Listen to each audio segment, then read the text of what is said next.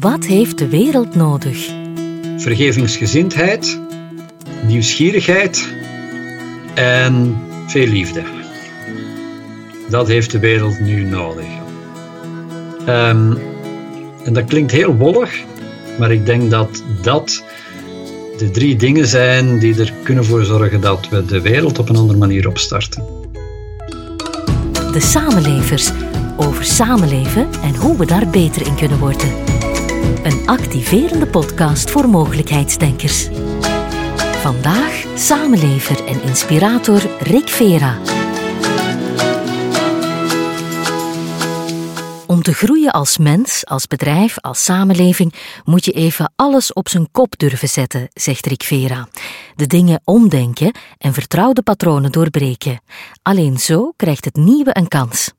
Met die boodschap trekt hij als keynote speaker de wereld rond, dat je radicaal moet durven innoveren om relevant te blijven. Het is ook het thema van zijn boek Managers the Day After Tomorrow. Overmorgen, de day after corona zeg maar, zullen we met z'n allen een heel nieuwe wereld moeten managen.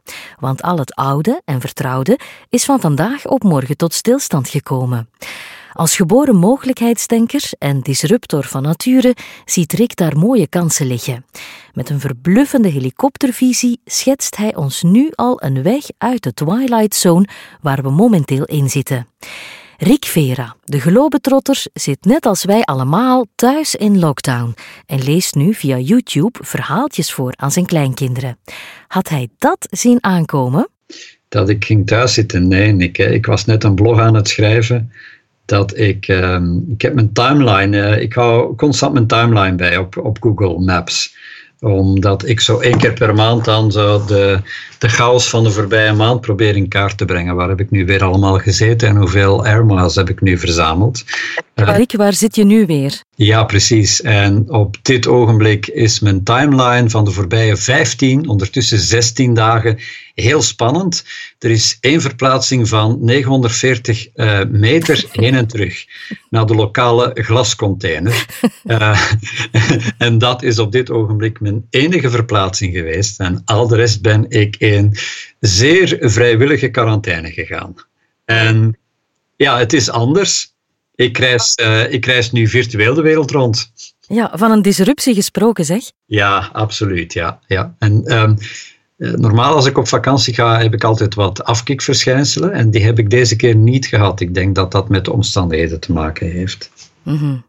um, in het normale leven, zullen we maar zeggen, uh, begeleid jij bedrijven, managers, van het oude normaal, zoals je dat dan noemt, ja. naar het nieuwe normaal. Ja. Is dat een lastige reis voor uh, de meeste mensen? Dat uh, was een lastige reis voor de meeste mensen, omdat je eerlijk moet zijn tegen mensen en zegt: kijk, het oude normaal dat brokkelt maar langzaam af. Het nieuwe normaal is er nog niet. Dat ligt ergens verborgen achter je horizon. Dat is 2025, maar eerder 2030 of misschien zelfs 2035. En we zitten nu in die tussenzone waarin het oude aan het sterven is en het nieuwe hard zijn best aan het doen is om geboren te worden. Um, en het feit dat je er eerlijk over bent en zegt: kijk, uh, je hebt maar tien jaar om je daarvoor klaar te stomen, uh, klinkt ook heel vaak als je hebt daar tien jaar voor. En dan krijg je heel veel ja-maars. Ja, we zien wel in dat ons oud businessmodel binnen tien jaar wellicht niet meer zal functioneren. Maar we zitten nu in die twilight zone, we zitten nu in die tussenzone. Um, ik verdien nog geld met mijn oude businessmodel. Dus het is heel moeilijk om dat zomaar achter te laten. Iets nieuw ontwikkelen kost centen. Mm -hmm. En die centen die onttrek ik op dit ogenblik aan mijn oude businessmodel. Dus dat vind ik ook niet fijn. Um, ik ben heel hard bezig met de dagelijkse issues en de dagelijkse brandjes blussen.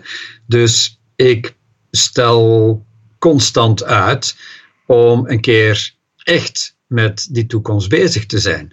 En als ik dan met die toekomst bezig is, dan is die vrij onzeker. Want in de tien jaar die nog zit tussen nu en dat nieuwe normaal, kunnen er nog een paar game changers komen. Ik bedoel, wie had ooit gedacht dat als Steve Jobs in 2007 de iPhone introduceerde, dat dat een dergelijke gigantische gamechanger ging worden. Wie zegt niet dat er tussen nu en 2030 geen gamechanger uh, komt, die, een technologische gamechanger die het helemaal overhoop haalt en die de, de hele loop van de geschiedenis verandert. Um, en wie zegt dat als ik nu wat ontwikkel voor, een, voor dat nieuwe normaal en ik zet het te vroeg in de markt, dat ik niet te vroeg ben? Dat hmm. de markt er niet klaar voor is. Dus er waren heel veel redenen vroeger om te zeggen: ja, we begrijpen dat wel. En ja, we zijn geïnspireerd. En ja, we beseffen dat we in 2030 niet meer relevant gaan zijn als we hetzelfde doen dan we het vandaag doen.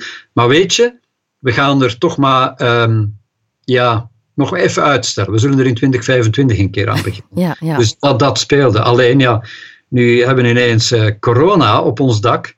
En dat maakt dat we ineens beseffen dat als we binnen een aantal weken, een aantal maanden de wereld herstarten, dat de kans dat we de oude wereld herstarten heel klein is. En dat we een nieuwe wereld herstarten. En ineens is het timeframe wat bedrijven hebben gekregen, en wat ik altijd over gehad heb van het timeframe is maar tien jaar, is ineens maar een paar maanden geworden. En, uh, dus dat betekent dat ik in wezen niks moet veranderen aan de inhoud van mijn boodschap. Um, het enige wat gigantisch veranderd is, is het timeframe dat bedrijven krijgen om hier wat mee te doen. Ja, het is een uh, serieuze gamechanger. Het lijkt alsof we uh, met z'n allen collectief op weg zijn naar uh, een soort van nieuw normaal. Niet enkel de bedrijven dan, maar wij met z'n allen als samenleving. Ja, maar dat is ook altijd mijn uitgangspunt. Het, uh, de, de, de veranderingen. Ik heb het altijd over een kantelpunt gehad. Een kantelpunt in de geschiedenis. Voor mij, en dat is zo'n zo'n een beeld dat je erop roept. Hè. Je kent de Maya-kalender. De Maya's zeiden dat de wereld ging vergaan op 21 december 2012. Mhm. En in mijn keynotes, en ik blijf daarbij, blijf ik zeggen van dit was het kantelpunt. Dit was het moment dit was de point of no return. Toen kwamen zoveel krachten samen. Um, gingen ineens een aantal van de grote spelers gingen ineens vol voor mobile. Uh, om eentje daarvan Facebook niet te noemen. Maar mijn uitgangspunt is: het tipping point wordt niet bepaald door die technologie, maar wordt bepaald door hoe wij als mensen met die technologie omgaan en hoe het ons als mensen aan het rewiren is. We worden een ander type mensen. Ehm, in de loop der tijd. En dat kantelpunt is begonnen in 2012. Alleen we merken nu alweer door ehm, onze gedwongen isolatie enerzijds en ons ongelooflijk versneld omgaan met all things digital anderzijds, maakt dat we als mens en als samenleving dus ehm, helemaal anders uit deze standstill gaan komen. Mhm. Helemaal anders. Um, heb jij daar al concrete ideeën over hoe dat helemaal anders er zou kunnen uitzien? Um, het, het, voordeel ook van deze korte periode is dat het makkelijker te voorspellen is dan als je het moet voorspellen voor 2030 of voor 2035. Mm -hmm. Omdat de, de, het timeframe te kort is om nieuwe dingen te bedenken. Um, er gaan geen nieuwe dingen ineens opdekken, opduiken. Dus alle elementen, alle bouwstenen die je post-corona gaat vinden, moeten er pre-corona al geweest zijn. Want mhm. er is te weinig tijd om nieuwe bouwstenen te maken.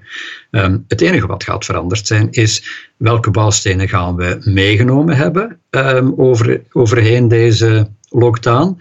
Welke bouwstenen gaan we achtergelaten hebben. Maar vooral, hoe gaan we die bouwstenen op een nieuwe manier in elkaar zetten.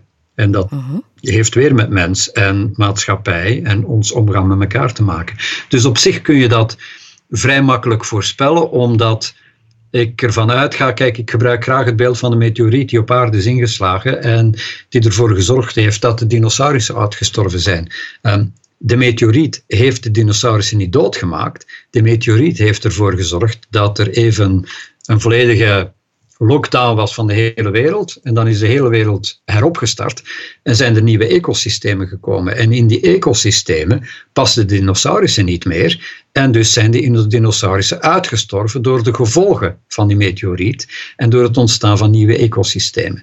En ik denk dat dit net hetzelfde is. Ehm, als die meteoriet insloeg, dan waren degenen die overleefd hebben, die waren er al. Die ratjes, die uh, eerste zoogdieren, die kleiner waren, die veel kortere lifecycles hadden, die veel meer jongeren hadden, die veel sneller terugjongeren hadden, um, die exponentieel groeiden, uh, maar allemaal heel klein waren en dus heel weinig energie verbruikten en heel weinig voedsel nodig hadden en heel adaptief waren, die waren gewoon beter aangepast aan die nieuwe ecosystemen.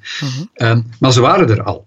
En het, wat gebeurd is, is door het wegslaan van het oude ecosysteem ze ineens meer kans kregen. Dus hoe wij als mens in elkaar gaan zitten post-corona en hoe onze uh, samenleving er gaat uitzien post-corona, dat was er eigenlijk al. Alleen werd dat ongelooflijk gehinderd door de krachten van het oude normaal, door de gewoontes uit het oude normaal, door het feit dat we met z'n allen patroondieren zijn. Ineens zijn alle patronen doorbroken en kijken we niet van in het patroon, maar kijken we op onze patronen en gaan we ineens een heel pak dingen die we deden um, ineens begin, meer beginnen appreciëren en andere dingen die we deden zeer in vraag stellen. Uh En welke mogelijke nieuwe patronen zie jij ontstaan? Goh, ik, uh, ik, ik werk graag met dat letterwoord customer. Um, en, uh, in het Engels dan. En die C staat voor connected. Ik denk dat we meer dan ooit connected zijn. Hè. We zijn allemaal uh, Robinson Crusoe geworden. Mhm. We zitten allemaal op ons eiland, hè. UCOT. Ja. Um, dat is ons eiland nu. Ja. Um, maar het grote verschil met Robinson Crusoe is dat we uh, wel met elkaar verbonden zijn via die laptop en via die, uh, via die smartphone en via Skype en um, uh, WhatsApp en blijf maar opzommen. Hè. De, de, de, we bellen en we skypen en we whatsappen meer dan ooit. Dus we zijn enerzijds ongelooflijk verbonden, we zijn heel geconnecteerd. En het feit dat we nu ontdekken hoe geconnecteerd we zijn en wat de mogelijkheden zijn van het geconnecteerd zijn, um, dat gaat niet meer weg. Dus die C van connected, die, eh, die gaat niet weg. De U in customer, die staat voor urban, um, stedelijke omgeving. We zien de nadelen van een stedelijke omgeving.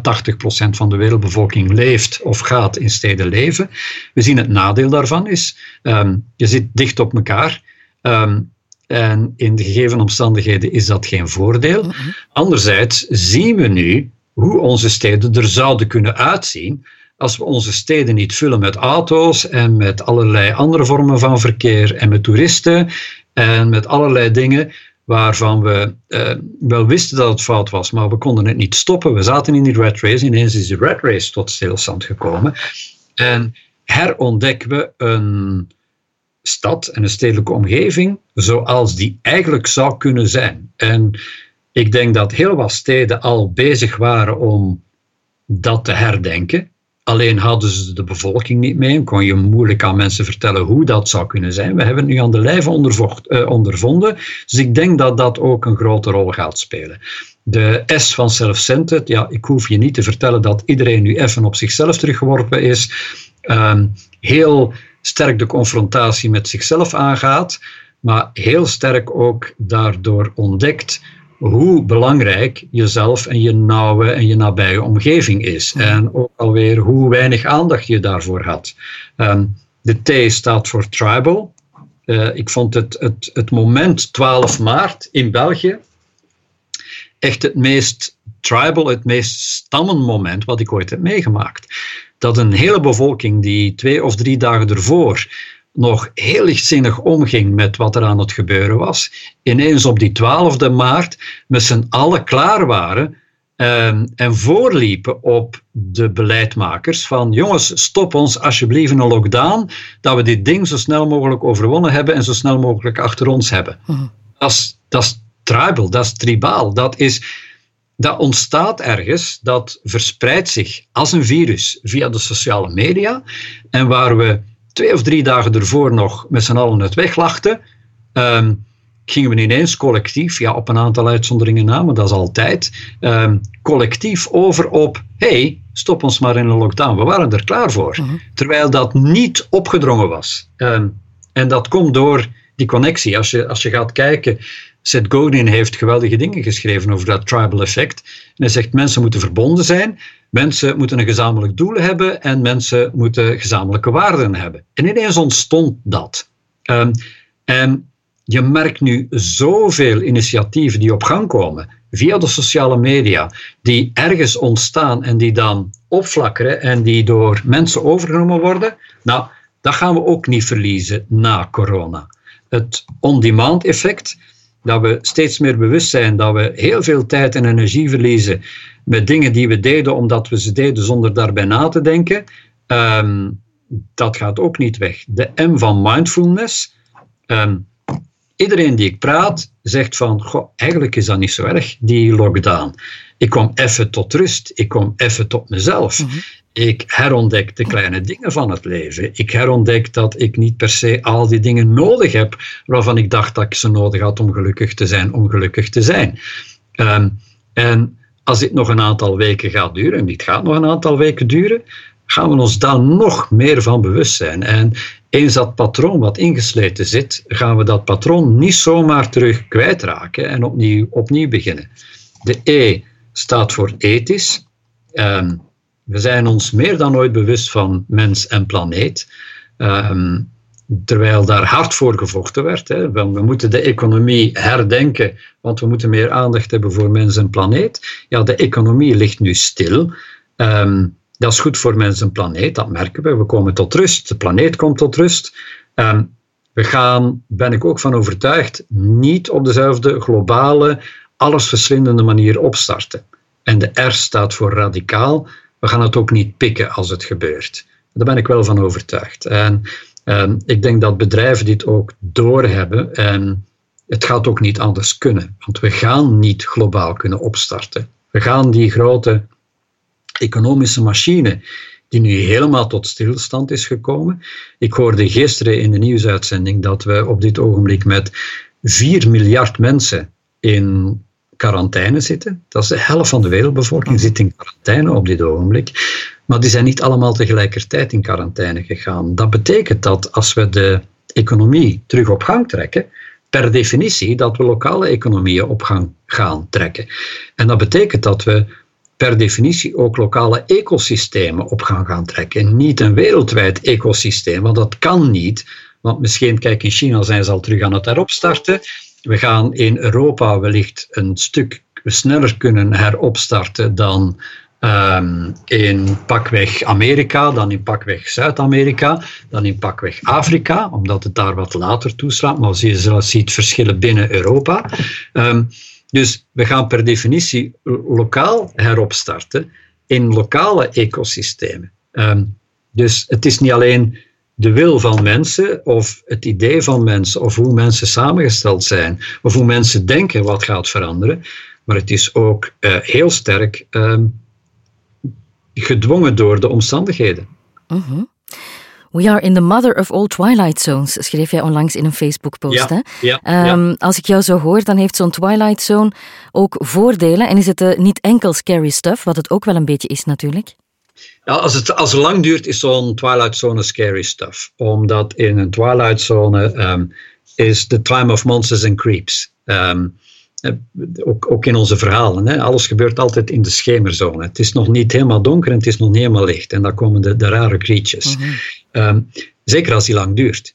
Um, en die ging lang duren, die ging minstens tien jaar duren. En dan krijg je een soort wetteloosheid daartussen de, de, de oude wetgeving, en met wetgeving bedoel ik niet letterlijk wetgeving, maar de oude rules en regulations van hoe een ecosysteem en hoe een economie werkt, die zijn er nog. Ehm, maar die passen niet meer op nieuwe dingen die ontstaan. En die nieuwe dingen die maken eigenlijk daar gebruik van om een soort, een aardloos te zijn, een soort wettelozen te zijn. Um, we, hebben de Ubers gehad. Hè. We, hebben, ik bedoel, uh, Uber is misschien op een hele mooie manier ontstaan, maar op een bepaald moment is het misschien wel een creep geworden. Omdat het compleet ontsnapte aan alle wetten en wetmatigheden. Uh, de oude economie en de oude uh, economische wetten, maar ook de, letterlijk de wetten, waren niet in staat om dat in te perken. We hebben hetzelfde zien met uitwassen, gezien met Airbnb. Maar we zien het ook gebeuren met de sociale media. Um, als je de eerste internetpioniers hoort, uh, er bestaan heel veel filmpjes daarover op, op YouTube, dan zijn dat hippies die, die geloofden echt dat dat ging leiden tot een betere wereld. We hebben het internet laten stelen voor onze neus door bedrijven als Facebook, die wel in hun tagline zetten: We connect people. Ehm, maar ook connecting people, maar die dat eigenlijk niet doen, want die op een bepaald moment ook in dat fameuze jaar 2012 gaan beseffen zijn, hé, hey, we moeten wel een businessmodel gaan bedenken en dat businessmodel is advertising. En die ineens ehm, onze connecties zijn gaan gebruiken en de algoritmes van Facebook zijn gaan gebruiken om ons in customer segments op te delen.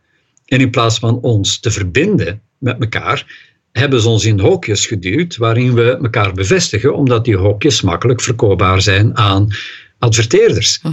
Ehm, en dat is onder onze neus gebeurd. In die twilight zone. Dat is tussen 2012 en nu.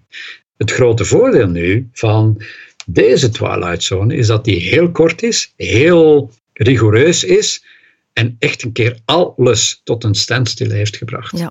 En we moeten voorkomen dat we ook niet eh, in slaap sukkelen op ons Robinson Crusoe-eiland. Dat er toch nog ja, een, een, een vuurtorenlichtje eh, te zien is op die eindeloze oceaan, corona-oceaan. Ja, ehm, en ook voor bedrijven. Ik, eh, ik, ik, waarschuw bedrijven om één fout niet te maken, wat de meeste bedrijven maken. Oké, we zijn allemaal door de vijf fases gegaan van rouw. Het eerste wat er gebeurd is, is we hebben het ontkend. Um, daarna zijn we er boos over geworden, over dat corona-ding. Daarna zijn we gaan onderhandelen. Herinner je de discussies over 1999 of 950 mensen? Daarna zijn we even in de depressie geraakt en dan kom je in de acceptatiefase. Dan zeg je goed. En zeker bedrijven hebben dan, ze zeggen goed en nu. Ehm, en de en nu voor de meeste bedrijven is geweest van laten we onze patiënt nu even in een soort artificiële kunstmatige coma stoppen. We vriezen hem even in we hopen dat hij het gedurende de hele corona-winter overleeft en dan ontdooien we op het moment dat de economie terug op gang komt. Mhm. Nu, ik heb net gezegd, de economie komt niet op dezelfde manier op gang. Dus wat je aan het doen bent, is je bent een dinosaurus aan het diepvriezen, die je dan terug tot leven wekt in een wereld die niet meer geschikt is voor dinosaurussen. En dan vrees ik dat de echte ehm, gevolgen en de echte desastreuze gevolgen voor bedrijven niet nu zijn, maar gaan zijn in dat post-corona-tijdperk. Waarbij bedrijven terug gaan opstarten die er dan gaan achterkomen van oeh, we starten het verkeerde op en nu kunnen we niet meer reageren. Ik blijf bedrijven zeggen, dit is het uitgelezen moment om nu te doen waarvan je altijd gedroomd hebt en dacht dat het nooit ging kunnen. Bedrijven waren er altijd van overtuigd, ja, we moeten wat nieuw bedenken, maar hoe doe je dat? Je kan toch geen vliegtuig verbouwen terwijl het in de lucht is? Mhm. Nu, je hebt nu eindelijk de kans om het te verbouwen, want je moet het niet eens aan de grond zetten, het staat aan de grond. En we hebben als mens ook altijd een zeker ongemak nodig, Rick, om de dingen in vraag te durven stellen? Ja, ja, je hebt altijd die comparing reason to change nodig. Hè. De, de, de, er is een formule van verandering. Het heet de formule to change. En daar heb je drie factoren. factoren dus je moet, ze moeten aanwezig zijn ze moeten significant aanwezig zijn of het gebeurt niet. En de eerste is, er moet een compelling reason to change zijn. En als er geen compelling reason to change is, als die reden om te veranderen niet helder is, als die niet prangend is, als die niet nijpend is, als die geen pijn doet, dan gaan mensen en in grotere gehele bedrijven en de, de samenleving niet veranderen. En nu, dit is er eentje die impact heeft en die pijn doet. Mm we hebben elkaar uh, leren kennen via Facebook weliswaar, uh, toen ik uh, aan mijn boek aan het schrijven was over Ikigai. jij bleek dat concept heel goed te kennen. Um, Je Ikigai, je bestaansreden, de, de, de drive in je leven, datgene wat echt zin geeft aan je dag. wat is dat voor jou? Wat is jouw ikigai? Mijn ikigai was, of is, um, en nu moet ik even een, een, nieuw evenwicht daarin vinden, maar was echt wel wat ik aan het doen was. Um, en ben ik daar naar op zoek geweest? Nee, op een bepaald moment ben je daar. Um, doordat je onbewust op zoek bent naar dat centrale punt. Um, als ik kijk naar mijn eigen, en dat klinkt zo uh, klassiek, hè, carrière. Mhm. Ik heb nooit een carrière voor ogen gehad, maar je, je maakt er uiteindelijk een. Dan uh, ben ik op een bepaald moment effectief beland in dat centrum waarbij je iets doet waar je graag doet. Ik sta graag in kleine groepen, grotere groepen en in één, in één op één situaties om mensen te inspireren. Ik inspireer graag, ik deel graag passie, ik deel graag kennis en kunde. Ik blijk er goed in te zijn, en dat klinkt zo verkeerd als je dat over jezelf zegt, maar uh, je blijft dit soort uh, dingen onstage niet doen als je niet goed bent, want er wordt veel snel afgebrand als je daar niet goed in bent. Dus je bent er goed in, je merkt dat je impact hebt, uh, je, je ziet dingen in de markt verschijnen waarvan je weet, och, daar was ik bij, daar was ik de, de initiator van. Ik heb daar de, de vonk uh, aan, aan, het, aan de lont uh, gebracht. Dus dat is fijn. Um, ik krijg er zelf heel veel voldoening uit, uit, uit wat ik doe. Het, het geeft me heel veel energie. Ik voel me af en toe zoals uh, uh, zeven mentossen die in een, uh, in een colaflesje gooit. na na zo'n één op één of na zo'n optreden. Ja. Maar ik krijg er heel veel energie uit. Um, en laten we eerlijk zijn, het, was ook, of het is ook een geweldig businessmodel. Ja, dan heb je alle elementen. En als die dan allemaal netjes over elkaar schuiven, mm -hmm. ja, dan zit je in dat geweldige midden, waarvan ik dacht van dit, uh, dit is het nu. En dan komt ineens corona en dan valt dat reizen weg, dan vallen die podia weg, dan vervang je dat wel. Het is nu heel druk met, met, met uh, webinars. Um, en ik vind het fijn om dat te doen en dat is weer een nieuwe ontdekking. Het ene vervangt het andere niet, maar ik vind het wel heel mooi complementair. Dus waar ik even dacht van, oh, ik ben er en ik zit in dat hart, dan zie je toch maar dat de omstandigheden even er kunnen voor zorgen dat dat helemaal um, uh, overhoop gehaald wordt en dat je daar dan opnieuw een nieuw evenwicht moet in vinden dat verrijkend kan zijn. En ja. dit ben ik nu aan het ervaren. En zo is de reis nooit compleet. Hè? Um, ja. Wat ons nu overkomt, kan het ook een kans zijn op persoonlijk vlak, maar ook op maatschappelijk vlak, om um, als collectief die ikigai te vinden, om meer zin te vinden in wat we doen en hoe we het doen? Ik, heb, uh, ik, ik, ik zeg vaak in interviews dat wij met z'n allen de, de morele verplichting hebben om positief te zijn. Um, ik hoop dat we het doen. Want als we het nu niet doen en de wereld start opnieuw op op de oude manier, dan hebben we met z'n allen een once in a lifetime gemist. Um, en ik kijk naar mensen, maar ik kijk ook heel sterk naar bedrijfsleiders en de beleidsmakers. Ik hoop dat ze ook zij deze unieke kans, want ze gaan er vol aan moeten meewerken, um, vol hun schouders moeten onderzetten. Ik hoop dat ze met z'n allen deze opportuniteit niet missen. Um, maar het is hoop. Rick, wat heeft die nieuwe wereld waar we naartoe gaan volgens jou nodig? Um, vergevingsgezindheid, nieuwsgierigheid en veel liefde. Dat heeft de wereld nu nodig. Ja? Um, en dat klinkt heel wollig, maar ik denk dat dat de drie dingen zijn die er kunnen voor zorgen dat we de wereld op een andere manier opstarten. Wol is ook lekker warm en zacht, hè? Oh ja, absoluut. Dat kan je ook heel positief ja. bekijken. Ja, ja, ja, en ik vind, het, uh, ik vind het ook niet erg om dat te doen. Ik, uh, ik denk dat we die drie, ik noem het zelfs geen waarden, het zijn, um, het zijn, het zijn de basisdingen die ons eigenlijk als mens tot mens maken. Um, dat is dat, dat vergevingsgezind zijn ten opzichte van elkaar. Niemand is perfect. Dat is die nieuwsgierigheid die we met z'n allen aan de dag moeten leggen. En we gaan die nieuwsgierigheid dubbel en dik nodig hebben in de wereld die heropstart, want die wordt anders, maar niemand weet hoe die precies er gaat uitzien. Dus je hebt die nieuwsgierigheid nodig.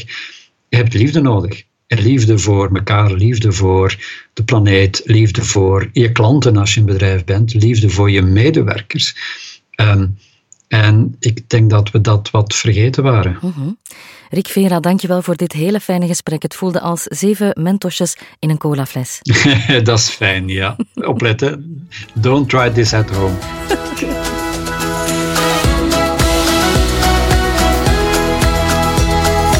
Wil je meer lezen van Rick Vera? Zijn boek Managers The Day After Tomorrow is uitgegeven bij Lano.